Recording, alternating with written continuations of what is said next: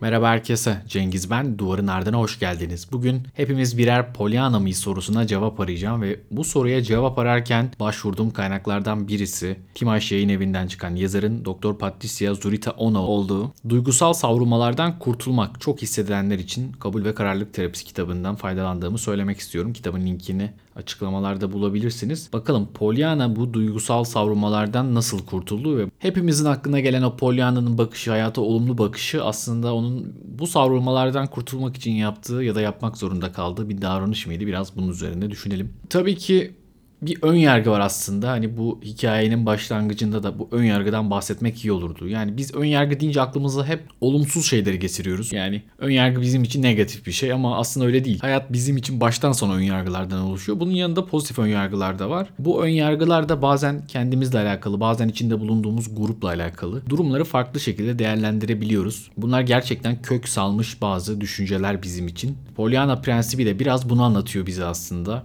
Hepimiz bunu duyduğumuzda aklımıza bir pozitif yanlılığı yani meseleleri biraz pozitif görmek, hep olumluya bakmak. Bu Nil Karaibrahimligil'in son zamanlardaki o popüler olan bazı tweetleri gibi, fotoğrafları gibi, görselleri gibi yani işte karantina demeyelim de içimize döndük, huzurumuzu bulduk diyelim gibi bir bakışın son zamanlarda popüler olduğunu da biliyoruz. İnsanların böyle bir tarafı da var. Yani eğer depresyonda değilseniz bunu gerçekten klinik anlamda söylüyorum genellikle olumluya bakmaya yakınız ve hani bununla ilgili pek çok çalışma var. Yani insanların genellikle iyi resimlere, güzel resimlere, hoş resimlere bakması, iyi haberleri daha sık iletmesi gibi. Hani bizim kültürümüzde kötü haber tez yayılır gibi bir şey var ama o belki bir nevrotik ihtiyaç yani. Hani bir şeyler söyleyeyim paylaşayım da insanlarla etkileşime gireyim. Orası ayrı.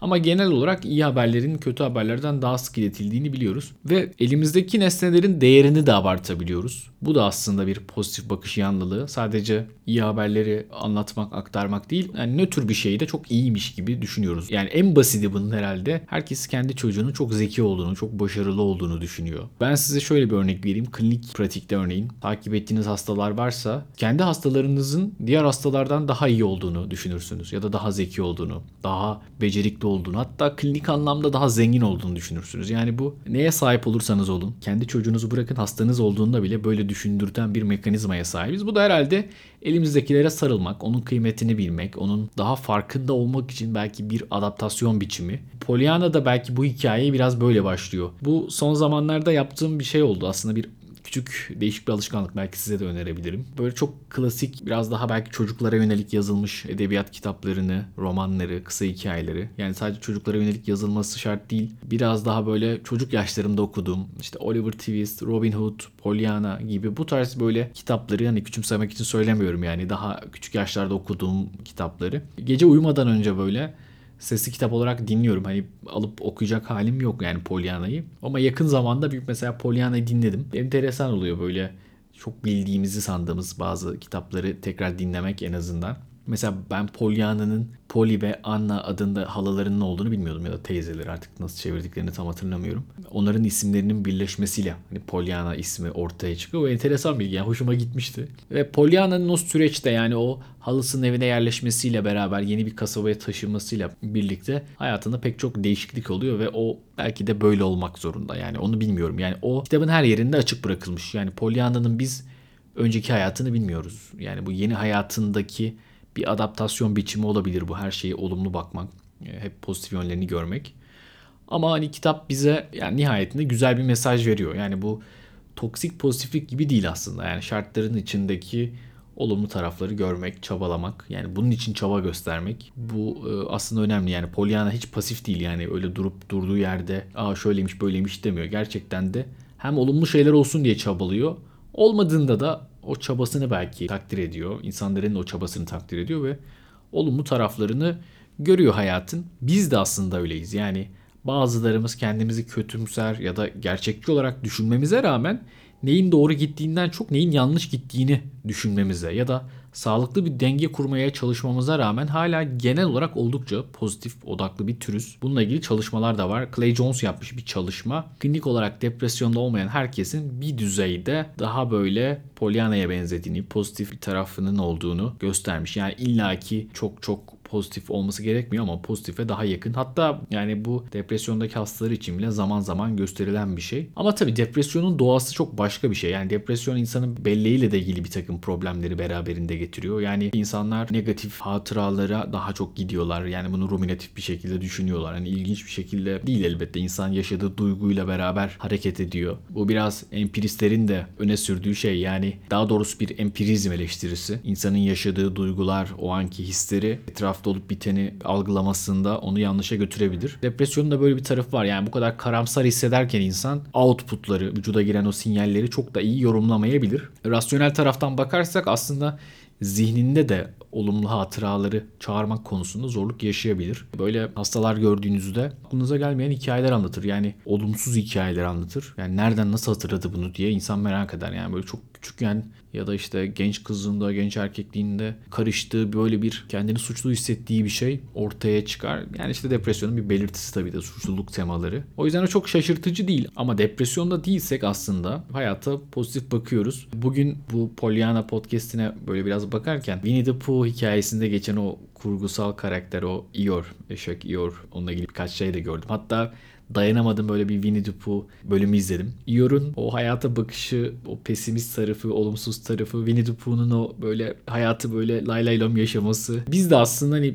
biraz Pollyanna, biraz Winnie the Pooh ona benziyoruz. Yani Eeyore olmak her zaman olan bir şey değil. Yani ortalama yaşamlarımız bu tarafa daha yakın. Eeyore'lar da var. Eeyore olduğumuz zamanlar da var. Her zaman tabii ki işler çok iyi gitmiyor. Ama Eeyore da çok tatlı. Gerçekten insanın bazen böyle hayata öyle bakarken de bir tat bir lezzet aldı. Hani hep bu söylenir aslında bu melankolik depresyonun böyle bir tadı olduğu söylenir. Böyle bir deneyimim olmadı ama bu kitaplarda da geçer. İnsanların öznel deneyimlerinde de belki iyi orada hayattan böyle tat alan birisi. Tabii bu pozitif psikoloji literatüründe polyanneizm diye kendine yer bulan bir kavram aslında. Öyle edebiyat romanının bir şekilde karikatürize edilmiş hali değil. Bundan daha fazlası. Bu ilke ilk olarak 1970'lerde ortaya çıkıyor. İnsanların karamsar ve somurtkan olmaktan çok gözle görülür şekilde iyimser ve pozitif olma eğiliminde olduklarını gözlemleyen araştırmacılar tarafından tanımlanıyor.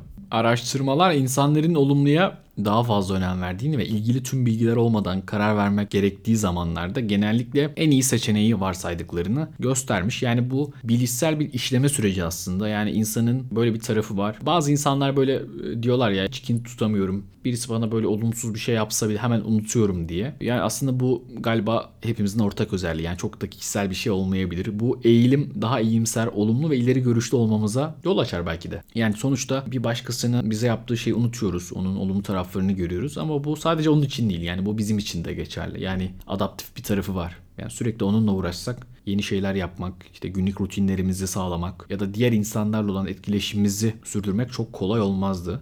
Genel olarak bu olumluya odaklanmanın yanı sıra Pollyanna hikayesi hoş ve olumlu anıları hatırlamamızın çok daha olası olduğunu da açıklıyor. Hatta nötr olaylar bile gerçekte olduğundan daha olumlu bir şekilde gözükür. Bunu birçoğumuz deneyimlemiştir ama ben şöyle bir şey anlatmak istiyorum size. Böyle hayatımıza giren, aynı ortamı paylaşmamız gereken insanlar olur. Ve herkes her zaman etrafındaki insanları sevmek zorunda değil. Yani bu gerçekten böyle. Etrafımızdaki herkesi sevmek zorunda değiliz. Onlarla iyi anlaşmak zorunda değiliz. Asgari bir düzeyde ilişki sürdürebiliriz. Yani yani en azından yetişkin insan olmak mesela böyle bir şey. Şimdi tabii insanın belki yaşı büyüdükçe etrafındaki insanları seçme şansı biraz daha fazla oluyor diye düşünüyorum. Ama aynı şey özellikle işte okul yıllarında, lisede, üniversitede çok geçerli değil. Çünkü kalabalık sınıflarda okuyoruz, büyük yerlerde okuyoruz ve burada çok fazla insan oluyor ve herkesle anlaşmak zaten çok kolay değil yani. Bazen hani anlaşmaktan da öte gerçekten insan bazen birisinden nefret de edebilir. Yani birisini hiç sevmeyebilir. Onun varlığından rahatsız da olabilir. Ama ilginç bir şey vardır. Yani bu insanlarla olan hikayelerimize baktığımızda bunu herkes kendinden gözlemleyebilir. Aradan zaman geçtikten sonra çok bariz bir şey olmadıysa tabii ki yani bu adam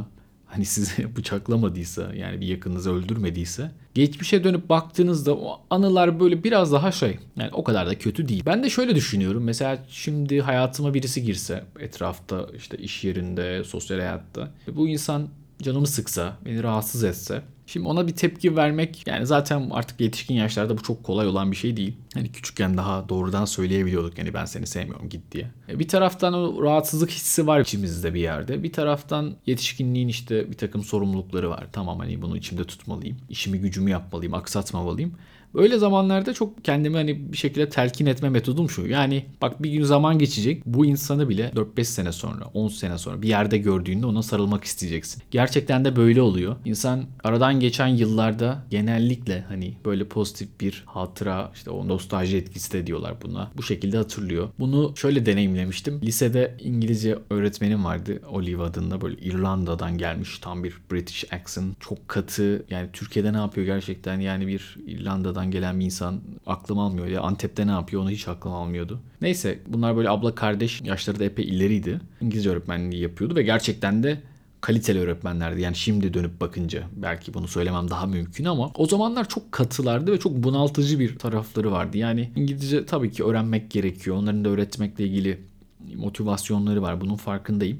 Ama çok bunaltıcı bir şekilde böyle hani ağzından Türkçe kelime çıksa sağdakine baksan biraz gülümsesen işte böyle bir şey olsa falan zaten ders çok sıkıcı. Hani o yaşlarda o tarz sıkıcılıkları kaldırmak çok da kolay değil. Onun böyle çok sık kullandığı bir kavram vardı. Next door diye. Next door da müdür yardımcısının odası. Yani diyor ki dersten seni atıyorum. Git o müdür yardımcısının orada derdini anlat. Hoca beni dersten attı diye ve dersin sonuna kadar orada bekle. Hani dersten atsa böyle bahçeye falan çıksan bayram edeceksin ama oraya da göndermiyor seni. Arada da bakıyor hatta oraya gittin mi diye. Bu da gerçekten çok böyle insanın canını sıkan bir şeydi. Arkadaşlar da böyle birbirimizi trollerdik. Yani birisi ötekini dersten attırmaya çalışırdı. Hani bu sahne yaşansın diye. O da böyle bizi atardı gerçekten. Sonra mezun oldum. Bir gün işte liseye yolum düştü. Olive'in sınıfının önünden geçerken böyle bir anda beni gördü. işte el salladı, çağırdı sınıfa. Böyle o kadar mutlu oldum ki o da böyle çok mutlu yüzü gülüyor. Ve ilk defa Türkçe konuştuğunu gördüm. Yani kadının 4 sene sonra ilk kez Türkçe konuştuğunu gördüm. Sınıftaki öğrencilerle konuşmamı istedi ve hatta Türkçe konuşmamı istedi. Ben böyle o beni çağırınca ah dedim şimdi işte İngilizce konuşmak gerekecek. Kafamda böyle bazı şeyleri hazırladım. Tamam İngilizce konuşuruz yani ne olacak. Israrla Türkçe konuşmamı da istedi. Çok şaşırmıştım. Belki onlar da ilk defa sınıfından Türkçe konuşan birini görmüşlerdi. Şimdi de böyle bu anıları hatırlayınca çok hoşuma gidiyor aslında. Yani böyle olumsuz bir şey hatırlamıyorum bile. O next door'lar falan filan hepsi böyle çok keyifli, çok eğlenceli geliyor ve bu da belki Olive etkisi diyebilirim.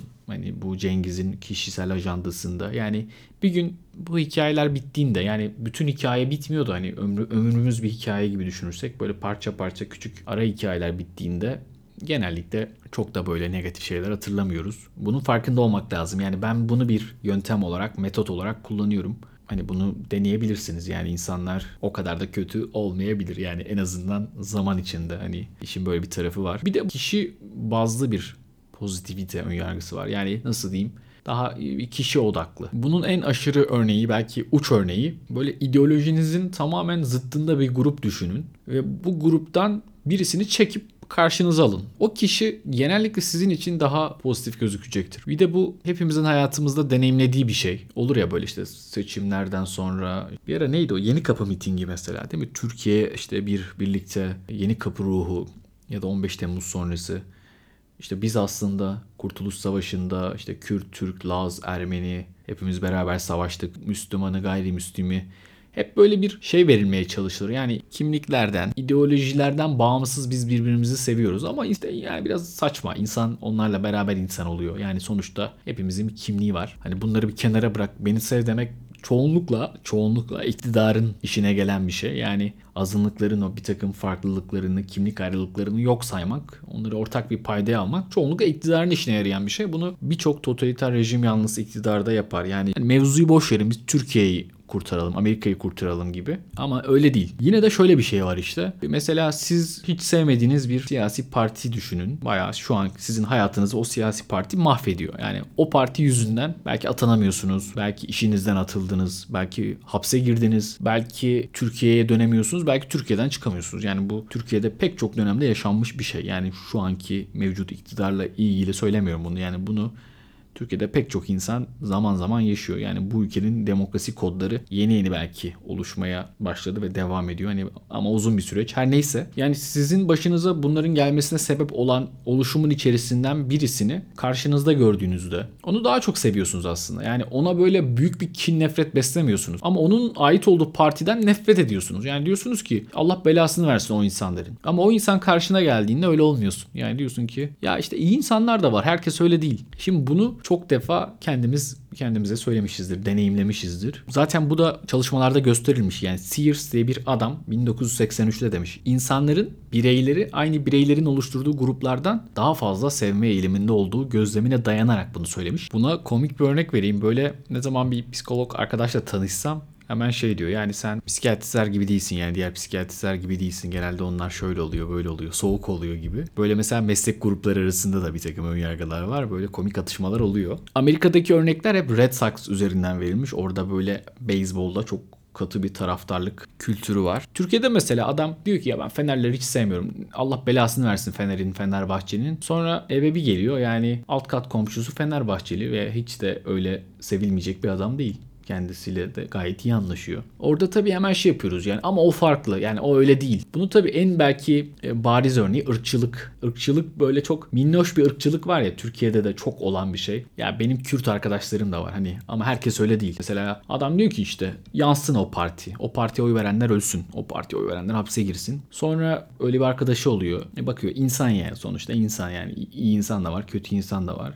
Hemen o insana karşı böyle bir pozitiflik ön yargısı. Ya işte sen biraz daha farklısın. Sen diğerleri gibi değilsin. Sen onlar gibi değilsin. Ben normalde onları sevmem ama sen biraz farklısın gibi. Yani ırkçı olduğunu da çok kabul etmiyor. Çünkü kötü bir şey ırkçılık. Yani hiçbir ırkçı ırkçıyım demez. Gerçekten yani bu işin doğasında böyle. Irkçılık böyle çok sinsi bir şey yani. Sinsi bir hastalık. Gerçekten yavaş yavaş insanın vücuduna nüfus ediyor ve çok da böyle anlamıyoruz yani anladığımızda zaten iş işten geçmiş oluyor. Hemen işte böyle bir ön yargı ortaya çıkıyor. Sen farklısın, sen şöylesin, böylesin diye. Bunun çok çok daha garip bir örneği bence Türkiye siyasetiyle de çok ilişkisi olan bir şey. Mesela Türkiye'de son işte bu Cumhurbaşkanlığı seçimi düzenlenmesiyle beraber ne oldu? İşte partili Cumhurbaşkanlığı geldi. Ama Cumhurbaşkanı seçime tek başına girebiliyor. Yani bir insan aday oluyor. %50 artı 1 alınca hani parti olarak girmiyorlar Cumhurbaşkanlığı seçimine. Hani normal işte diğer seçime, meclis seçimlerinde parti olarak giriliyor ama Cumhurbaşkanlığı seçiminde birey olarak giriliyor. Zaten Cumhurbaşkanlığı seçimini kazanan da parlamentoyu bypass ediyor. Yani şu anki Türkiye şeyinde öyle yani parlamento biraz daha pasif bir konumda. Şimdi mesela mevcut iktidar aslında bence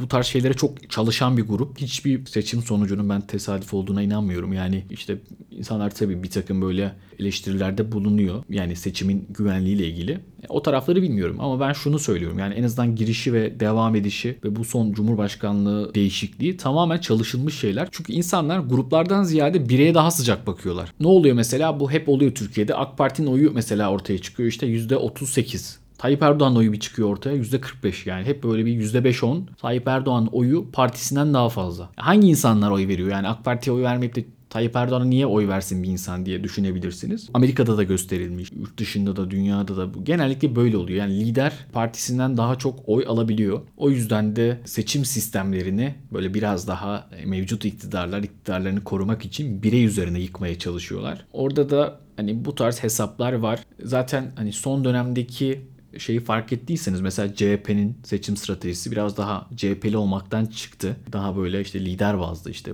biraz Kılıçdaroğlu ne çıkıyor, biraz İmamoğlu, biraz Mansur Yavaş. Yani bireyleri daha çok duyuyoruz. Ya da Meral Akşener mesela ismen daha ön plana çıkıyor. Yani Türkiye'de partiler şu an en azından yani demokrasinin bir gerekliliği olarak şeyler. Yani şartı değil de hani gerektiği için varmış gibi gözüküyorlar. Bir de şöyle bir şey var. Tabii Türkiye'deki seçim şeyine girmişken hani buralara da girelim. O pozitiflik yanlılığı biraz cinsiyetçi bakışla da alakalı. Türkiye'de mesela o babacan lider biraz daha böyle işte yaşını başını almış işte dede yaşındaki insanlar daha öne çıkıyor. Siyasi parti ya da işte cumhurbaşkanlığı seçimlerinde. Türkiye'de böyle genç karizmatik lider olayı pek işlemiyor. Yani mesela Fransa'daki Macron ya da Justin Trudeau gibi liderler Türkiye'de pek sökmüyor. Zaten bunu görüyoruz seçim sonuçlarında da. Burada da şöyle bir şey var. Yani o bizim belki o ataerkil toplumu yapımızla alakalı. Yani böyle bir büyük baba, büyük lider olsun ve onun etrafında bu ülke toplansın gibisinden. Yani hani o da bir kişi yanlılığı hem de cinsiyetçi bir kişi yanlılığı. Hem kadın lidere pek yanaşılmıyor Türkiye'de. Hem de böyle yaşı genç liderlere mesela Ali Babacan'ın şansı bu anlamda pek yok. Yani biraz daha yaşlanması lazım eğer bir seçim kazanmak istiyorsa. Neyse yani bu Polyana'dan Türk siyasetine geldik. Bunu şunun için söyledim. İnsanlar e, aslında ön yargılara sahip. Yani bu her zaman negatif, olumsuz ön yargılar anlamında kullanılan bir şey değil. Hem elimizdekileri arttırmaya daha yatkınız hem bir takım istisnalar yaratıp işte ırkçılığımıza, ayrımcılığımıza, nefretimize bahaneler bulmak için bu tarz şeylerimiz var. Irkçı bir insansın ve sen ırkçılık yaptın. Hani gidip işte belki otelini yaktın o insanların. içinden birisiyle arkadaş oluyorsun. Yani şimdi buna kendini ikna etmen, kendine izah etmen bu durumu çok kolay değil. Bir şey bulman lazım. Yani bir istisna yaratman lazım. Yani bu farklı demen lazım. Hayır şöyle de diyebilirsin yani ben iyi bir insanım. Ben böyle şeylere çok aldırmıyorum. Ama onu da diyemezsin çünkü bütün hayatını bir ideolojiye adamışsın. Bir de yani davana çok inanmışsın yani. Çünkü senin düşündüklerin, elindeki şeyler çok haklı, çok güzel, çok güçlü. Karşı tarafın elindekiler o kadar da şey değil. Buna da bir isim verilmiş aslında. Wobegon Gölü etkisi. Garrison Keller'ın bir kitabından geliyor. Wobegon kasabasında geçen bir hikaye. Bu hikayedeki bütün kadınların güçlü, tüm erkeklerin yakışıklı ve tüm çocukların ortalamanın üzerinde olduğu bir ütopik kasaba var. Aslında birçoğumuzda kendimizi böyle görüyoruz. Yani olduğumuzdan daha yakışıklı, olduğumuzdan daha zeki, olduğumuzdan daha becerikli, yeteneklerimizi böyle çok abartıyoruz. Yani bunun ben yine hani e, insani bir şey olduğunu söylüyorum. Kişisel bazı böyle özelliklerimizin yani çok basit, çok küçük bir şey. Yani bir başkası belki fark etmez bile ama biz şey diyoruz yani işte abi bak bende şu da var. Hani şunu da yapabiliyorum falan gibi. İnsanın kendisini sevmesinden daha doğal ne var onu bilmiyorum. Ama bu kendi özelliklerini abartma eğilimi teoride şöyle gözükebilir. Bireyci toplumlarda ve kolektivist toplumlarda farklı olabilir. Yani mesela bireyci toplumda birey kendi özelliklerini abartabilir. Kolektivist toplum daha böyle işte grup ideolojisi içinde hareket eder ve kendi özelliklerini çok fark etmez ya da çok önemsemez. Ama öyle değil. Ekonomik eşitsizliğin yüksek olduğu yerlerde daha çok kendini gösteriyor. Yani muhtemelen o da şöyle. Adam çok fakir, öteki çok zengin. Yani zengin diyor ki ben çok zeki olduğum için, çok çalıştığım için, çok başarılı olduğum için zengin oldum. Oysa öyle değil. Yani işte iktidar seni ittirdi. İşte e, bir takım rantsal dönüşümlere nasıl diyeyim ortak oldun. E, çaldın, çırptın. Bu yüzden böyle oldun. E, fakir de Diyor ki yani işte ben çok iyiyim de ya benim çok güzel özelliklerim var. Aslında çok zekiyim. Aslında çok becerikliyim de imkan vermiyorlar. Şerefsizler paramı çaldılar. Fırsatlarımı çaldılar diyor. E, bence yani bu böyle yine bir hani adaptif bir şey. İçinde bulunduğu duruma. Yani öteki hani çalıp çırparak bir yere geliyor ve çalıp çırptığına bir insanın kendini inandırması çok normal değil. Yani bütün ihaleleri nasıl sen alıyorsun abi? Hani bu soruya bir cevap ver desen işte iyi teklif veriyorum. işte fizibilite bakıyorum. işte araştırıyorum. Cesur kararlar alıyorum diyor. E, ne diyecek? Hırsızın diyecek hali yok kendine de etrafındakilere de. E, fakir de hani sen niye fakirsin kardeş diye sorduğunda ya ben aptalın tekiyim hiç anlamam. Tembelin tekiyim o yüzden fakir oldum demez. Bu tarz şeyler bahaneler sunar. Ama böyle gelir eşitsizliği, gelir adaletsizliği olmasa insanlar hayatlarını daha stabil yaşasalar hani bu tarz böyle yalanlara kendilerini bu şekilde kandırmaya ihtiyaç duymazlardı. Bu da hani yine böyle Wobegon Gölü etkisi hani bir Pollyanna benzeri bir durumun yani Pollyannaizmin bir başka varyantı diyeyim. Bugünkü konu biraz daha böyle sosyolojik bir taraftan ele alınmış oldu. Aslında bunu böyle yapmak çok uzun zamandır da amacım. Yani sosyolojiyle ilgili çok fazla şey okuyorum. Hatta psikolojiyle ilgili, psikiyatriyle ilgili okuduğumdan daha fazla. Ama onu aktarmak, aksettirmek çok kolay olmuyor. Çünkü hep içinde siyaset var, ideolojiler var. Böyle kolay değil onlardan bahsetmek. Hem bilgim de çok yeterli değil. Yani yalan olmasın sadece. Türkiye'de işte şöyle şartlar var da ben ondan konuşamıyorum aslında. Bir konuşsam neler anlatacağım değil tabii ki yani o kadar değil. Onun da etkisi vardır da biraz daha okumam da lazım gerçekten. Siyaset, siyasetle ilgili konular hani kimsenin kalbi kırılmasın böyle özellikle bir şeyi bir grup hedef alarak anlatmadım bu hikayeleri. Siz neleri abartıyorsunuz, neleri böyle çok yanlı bir şekilde değerlendiriyorsunuz. Bu şekilde dinleyin bu podcast bölümünü. Bu podcast'ı da beğendiyseniz lütfen paylaşın Twitter'da, Instagram'da. Çok mutlu olurum. Kendinize iyi bakın. Hoşçakalın.